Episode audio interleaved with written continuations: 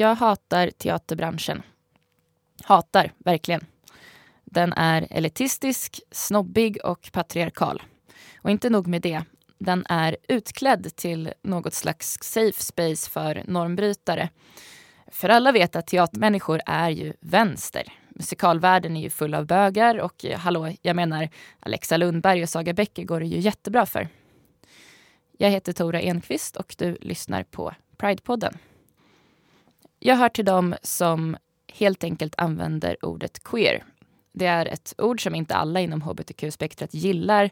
Många upplever att man försöker frånta dem deras mer specifika identiteter att till exempel vara lesbisk eller bög. Men för mig vore det helt enkelt för krångligt att lägga fram hela listan varje gång jag träffar nya personer. Jag är bi eller pansexuell, icke-binär, genderfluid, transperson, dragking med relationsanarkistiska funderingar. Jag har valt att inte leva ut queer-politisk familjesyn och ja, ni hör. Det är helt enkelt lättare att säga queer. Jag är även queer i mitt konstnärskap, eller åtminstone försöker vara. Jag är konstnärlig aktivist. I mitt fall betyder det att jag arbetar med politisk scenkonst och performance, oftast politisk satir. Jag skriver, regisserar, dragkingar, projektleder och pluggar teater akademiskt vid Stockholms universitet. Jag är konstnärlig ledare på Stockholmsbaserade Nilleteatern. Vi arbetar med vad jag kallar queerteater. Scenkonst och teater som antingen direkt handlar om hur det är att vara queer eller åtminstone utgår från ett queert perspektiv. Här någonstans har ni börjat tänka att men gud vad nischat. Vadå aktivism genom teater? Vem går ens på teater?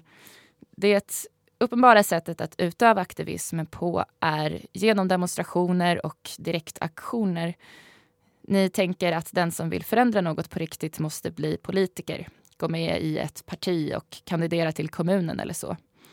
Och det är sant på ett sätt. Jag beundrar alla de som arbetar med politisk förändring på det sättet. Men jag tror att förändringsarbete måste ske överallt, hela tiden. Och jag tror att kulturen är en oerhört viktig del av det. Vi konsumerar enorma mängder kultur. Du binge-kollar serier, lyssnar på musik nästan hela tiden, spelar spel och går på bio. Eh, teatern är inte en del av den masskultur som gemene man konsumerar, men allt hänger ihop. Allt påverkar vartannat. Teatern är inte en isolerad del av världen som kan sköta sig själv och skita i andra. Teater är patriarkatet gånger hundra. Både det som syns på scen och det som sker bakom. Bakom scen lider teatern av vad vi kallar kulturmanssyndromet. Teatern lider av idén om att den stora konsten görs av den stora konstnären. Den stora konstnären är ett plågat geni, en vit man som dömts att leva Ingmar Bergmans skugga, stackarn. Um, ehm, ni blir väl inte chockade av att teatervärldens kungar är samma människor som är de mest privilegierade i resten av världen. Um, men utöver de vanliga normerna råder det också inom teatern något slags undantagstillstånd. Låt mig ge ett exempel. En skådespelares viktigaste verktyg är hens kropp. Det är genom den hen ska gestalta karaktärer och ge rollerna liv. Så långt är ni med mig. Men det innebär även att skådespelarens kropp är regissörens viktigaste verktyg. Regissören måste ges tillgång till skådespelarens kropp och allt vad den kan åstadkomma för att regissören ska kunna göra sitt jobb. Ni förstår hur nära till hands det ligger en regissör att missbruka den överenskommelsen. Säger regissören att du ska gå åt höger, så går du åt höger. Säger regissören att Julia ska kyssa Romeo, då gör du det om du spelar Julia. Har du att göra med en nyskapande regissör kan han slänga in lite nakenhet eller kanske en sexscen i ekvationen. Vill regissören komma upp på scen och visa Romeo hur han borde göra när han kysser Julia, det vill säga dig, ja, då är det bara att gå med på det. Gränser som åtminstone teoretiskt är tydliga på andra arbetsplatser är inte nödvändigtvis det för oss. Är det ditt jobb att kyssa regissören? Ja, det är typ det du får betalt för att göra. Det här är alltså inte en överdrift utan den verklighet som kvinnliga skådespelare arbetar i. Misstolka mig rätt. Det finns mycket motstånd. Det forskas, organiseras och protesteras. Mycket har förbättrats. Rektorn på Scenhögskolan får inte ligga med eleverna längre. Ehm, men vi är en bransch där det är nytt att chefer inte bör utnyttja sina anställda sexuellt. Det är nytt. Ni förstår hur långsamt det går. Och precis som i resten av samhället är situationen för kvinnor bara det lättaste exemplet att dra för att bevisa den patriarkala strukturen. Gays råkar lika illa ut. Rasifierade transpersoner och personer med andra sorters normbrytande kroppar kan glömma att få sätta sin fot på en scen, rent generellt. Hur gör man då queer-teater?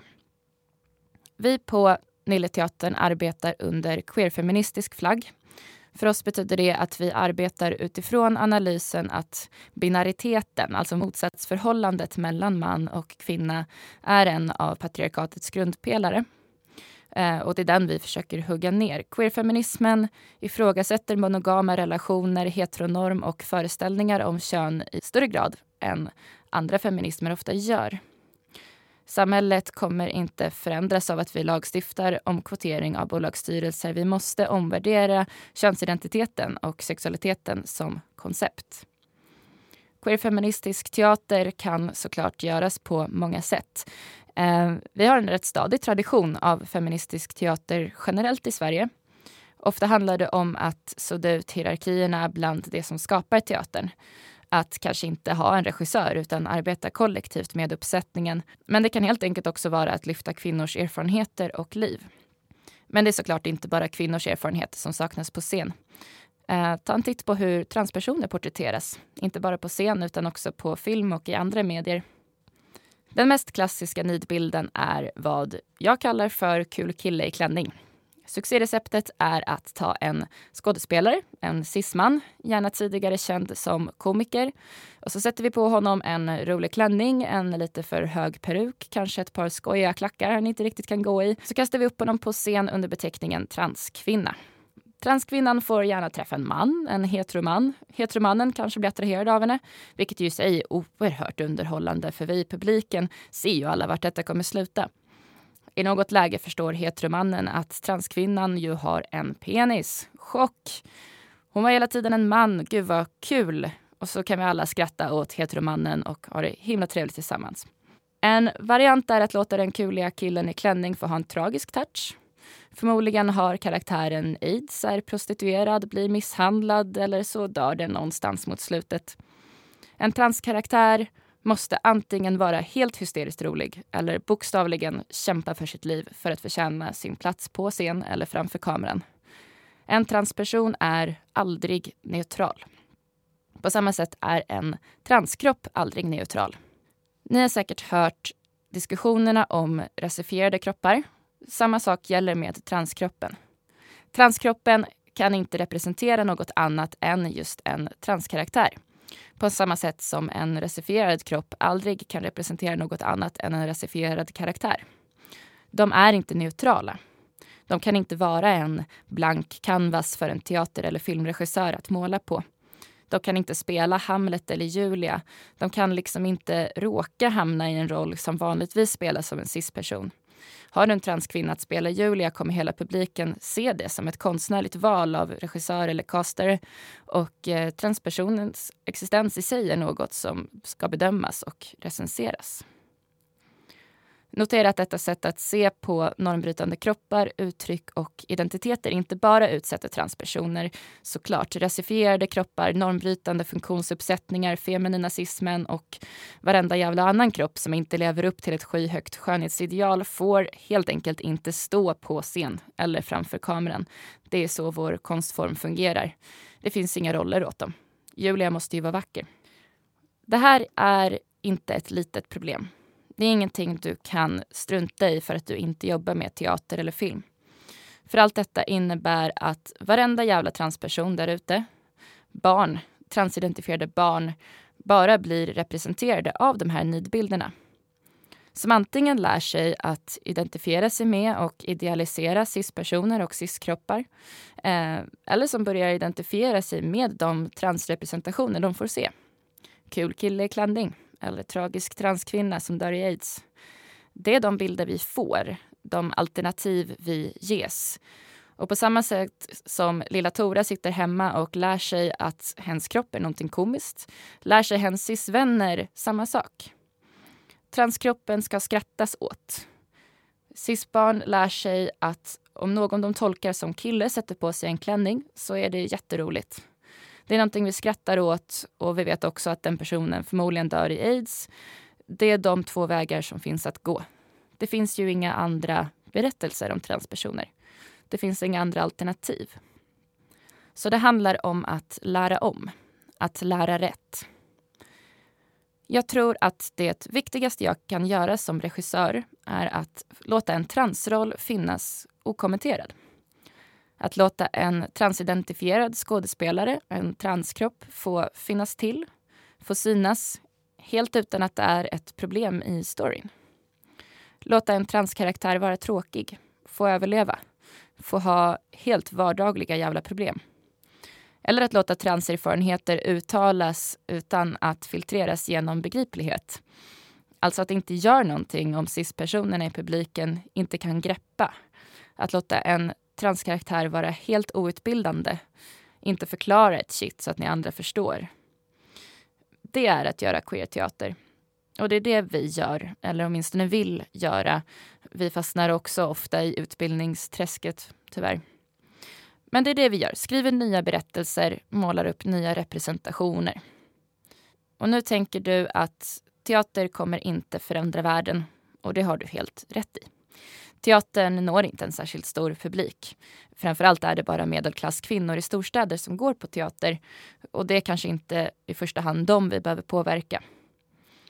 Nej, teater kommer inte förändra världen men teatern kan förändra filmen. Det låter kanske omständligt men de allra flesta människor som arbetar med film arbetar också med teater eller konsumerar åtminstone mycket teater. Förändrar du den ena branschen så kommer den andra haka på. Så fungerar hela kulturbranschen. Får vi genomslag för vårt arbete för transpersoners situation inom teatern så kommer samma krav ställas inom film och i längden påverkas de tv-serier du binge-kollar på hemma. Allt hänger ihop. Ingen bransch är oviktig. Och det är faktiskt ganska intressant det där med påståendet att teater skulle vara så oviktigt. För det verkar nämligen finnas oerhörda mängder människor som bryr sig. Även bland folk som inte vanligtvis går på teater. Jag tänker att om det var så att vi inom scenkonsten faktiskt inte kunde förändra någonting, om vår bransch var tillräckligt ointressant för att ingen skulle bry sig, hur kommer det sig då att vi måste spela våra föreställningar med larmknappar runt halsen? Att vi behöver väktareskort från spelplatsen och hela tiden måste tänka på säkerheten och lägga våra pengar på att fixa säkerheten. De kastar saker efter oss. De skriker homofoba ramsor. Det låter som en väldig massa waste of time för dem om vi nu är så oviktiga. Jag tror att förändringsarbete är lika viktigt överallt. Teatern är en patriarkal bransch med stora problem som måste bemötas. Och jag tycker inte att det bemöts på rätt sätt. Det som händer känns inte helt hundra för mig. Det är och har länge varit populärt med genderbanding på teaterscenerna. Att till exempel låta cis-kvinnor spela män är populärt.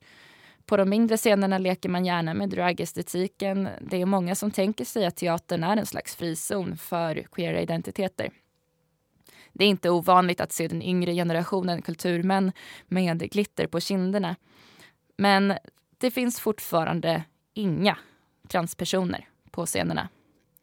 Alexa Lundberg får köra sitt race och hyllas för det men alla de där regissörerna som älskar att byta kön på roller och sätta mustascher på kvinnliga skådisar de tar ändå inte in transidentifierade skådespelare. Och verkligen inte transidentifierade regissörer eller dramatiker. För det står fortfarande fast. En cis-kropp är neutral och kan därför användas för att spela vad som helst. Den kan användas till att utmana könsnormer. Men en transkropp är inte neutral.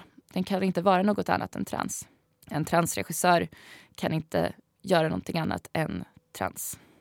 Jag vet inte riktigt hur allt det här ska förändras. Det är därför vi har startat initiativet som vi kallar Transkonst. I somras under Stockholm Pride höll Scensverige, som är teaterns fackförbund, en grej de kallade för stolt scenkonst. Det var ett fantastiskt initiativ. Äntligen skulle vi få prata om hbtq-teater och queerhet i grupp tillsammans med de som faktiskt har makt att förändra saker. Och det fanns absolut delar som var jättebra. Bara grejen att frågorna faktiskt lyftes var jättebra. Men jag fick magknip. Panelen som skulle diskutera queer scenkonst i Sverige ville inte ta i begreppet. De kunde varken komma överens om vad queer scenkonst skulle kunna vara eller huruvida de själva kunde identifiera sig med begreppet queer. Frågan om vem som får spela vad kom såklart upp. Någon ville prata om huruvida vi ska tillåta cis-män att spela transkvinnor till exempel, en populär diskussion. Ehm, men diskussionen hamnade på ett extremt ytligt plan. Panelen var överens om att teater är på låtsas att vi kan inte vara identitetspolitiska med casting för då förlorar teatern sin essens. Och jag förstår vad de menar. Teatern är på låtsas. Kanske borde vi inte krångla till det så mycket, men varför får jag ändå magknip? Jag menar, Richard Wolff är ju bög och honom är det ju ingen som diskriminerar och könsroller överskrids ju på scen hela tiden. Py fick jättebra recensioner när hon lät några manligt kodade kroppar spela Britney Spears, så vi har kanske inte alls något problem. Men hur kommer det sig då att vi inte har några transidentifierade regissörer på svenska scener? Hur kommer det sig att jag fortfarande tvingas sitta gråtandes i en publik för att transrollen jag har skrivit har regisserats om till en kul killeklänning? Om teatern är ett oskyldigt fält som inte får infekteras av identitetspolitik och inte får tas på för stort allvar och som ju faktiskt bara är på låtsas och helt allvarligt, vem går ens på teater? Varför får jag då en sten i huvudet när jag går genom Hallonbergen en sen kväll? För att de vet vad jag jobbar med. Det är något som inte stämmer. Och det är något vi inte pratar om. Därför projektet Transkonst. Jag har en lista på namn på personer som behöver få prata om det här på riktigt. Varför används våra kroppar som ett konstnärligt grepp? Som ett humoristiskt inslag eller en, ett politiskt slagträ? Varför kan manliga regissörer går på premiär i rosa kjol och glitter på kinden och hyllas för det samtidigt som ingen skyddar oss på de mindre scenerna? Ingen lyssnar när vi ifrågasätter. Varför blir vi klappade på huvudet? Om de var så säkra på att de hade moralen på sin sida skulle de nog inte vara så rädda för att ta diskussionen. Att arbeta med konst, att få ta plats i offentligheten och att få utrymme att säga vad man vill, det är att ha ett ansvar. Det gäller alla konstformer, även teater. Så, hallå Teatersverige. Jag vet att vi queers är skitjobbiga. Vi ska alltid hitta på något att klaga på. Och ni har ju varit så himla duktiga ändå. Ni har ju slutat tafsa på era skådisar och ja, vi queers gör alltid elefanter och flugor och tjafsar om icke-problem och krånglar till saker som verkligen inte behöver krånglas till och vadå sten i huvudet, det är väl bara att sätta på sig en hjälm. Så jag vill verkligen säga förlåt för att jag klagar, men vi behöver prata. Gå in på nilleteatern.com transkonst och visa att du vågar ta diskussionen. Än så länge är initiativet bara ett initiativ. Jag behöver ert engagemang för att kunna börja ställa krav. Eller släng iväg ett mejl till tora.snilleteatern.com om du vill förklara varför jag är orolig i onödan. Eller låt bli. För all del. Fortsätt sätta klänningar på killar för komisk effekt. Det är så lätt att avsäga sig ansvaret när man inte är den som får stenar i huvudet. Jag heter Tora Enqvist och du har lyssnat på Pride-podden.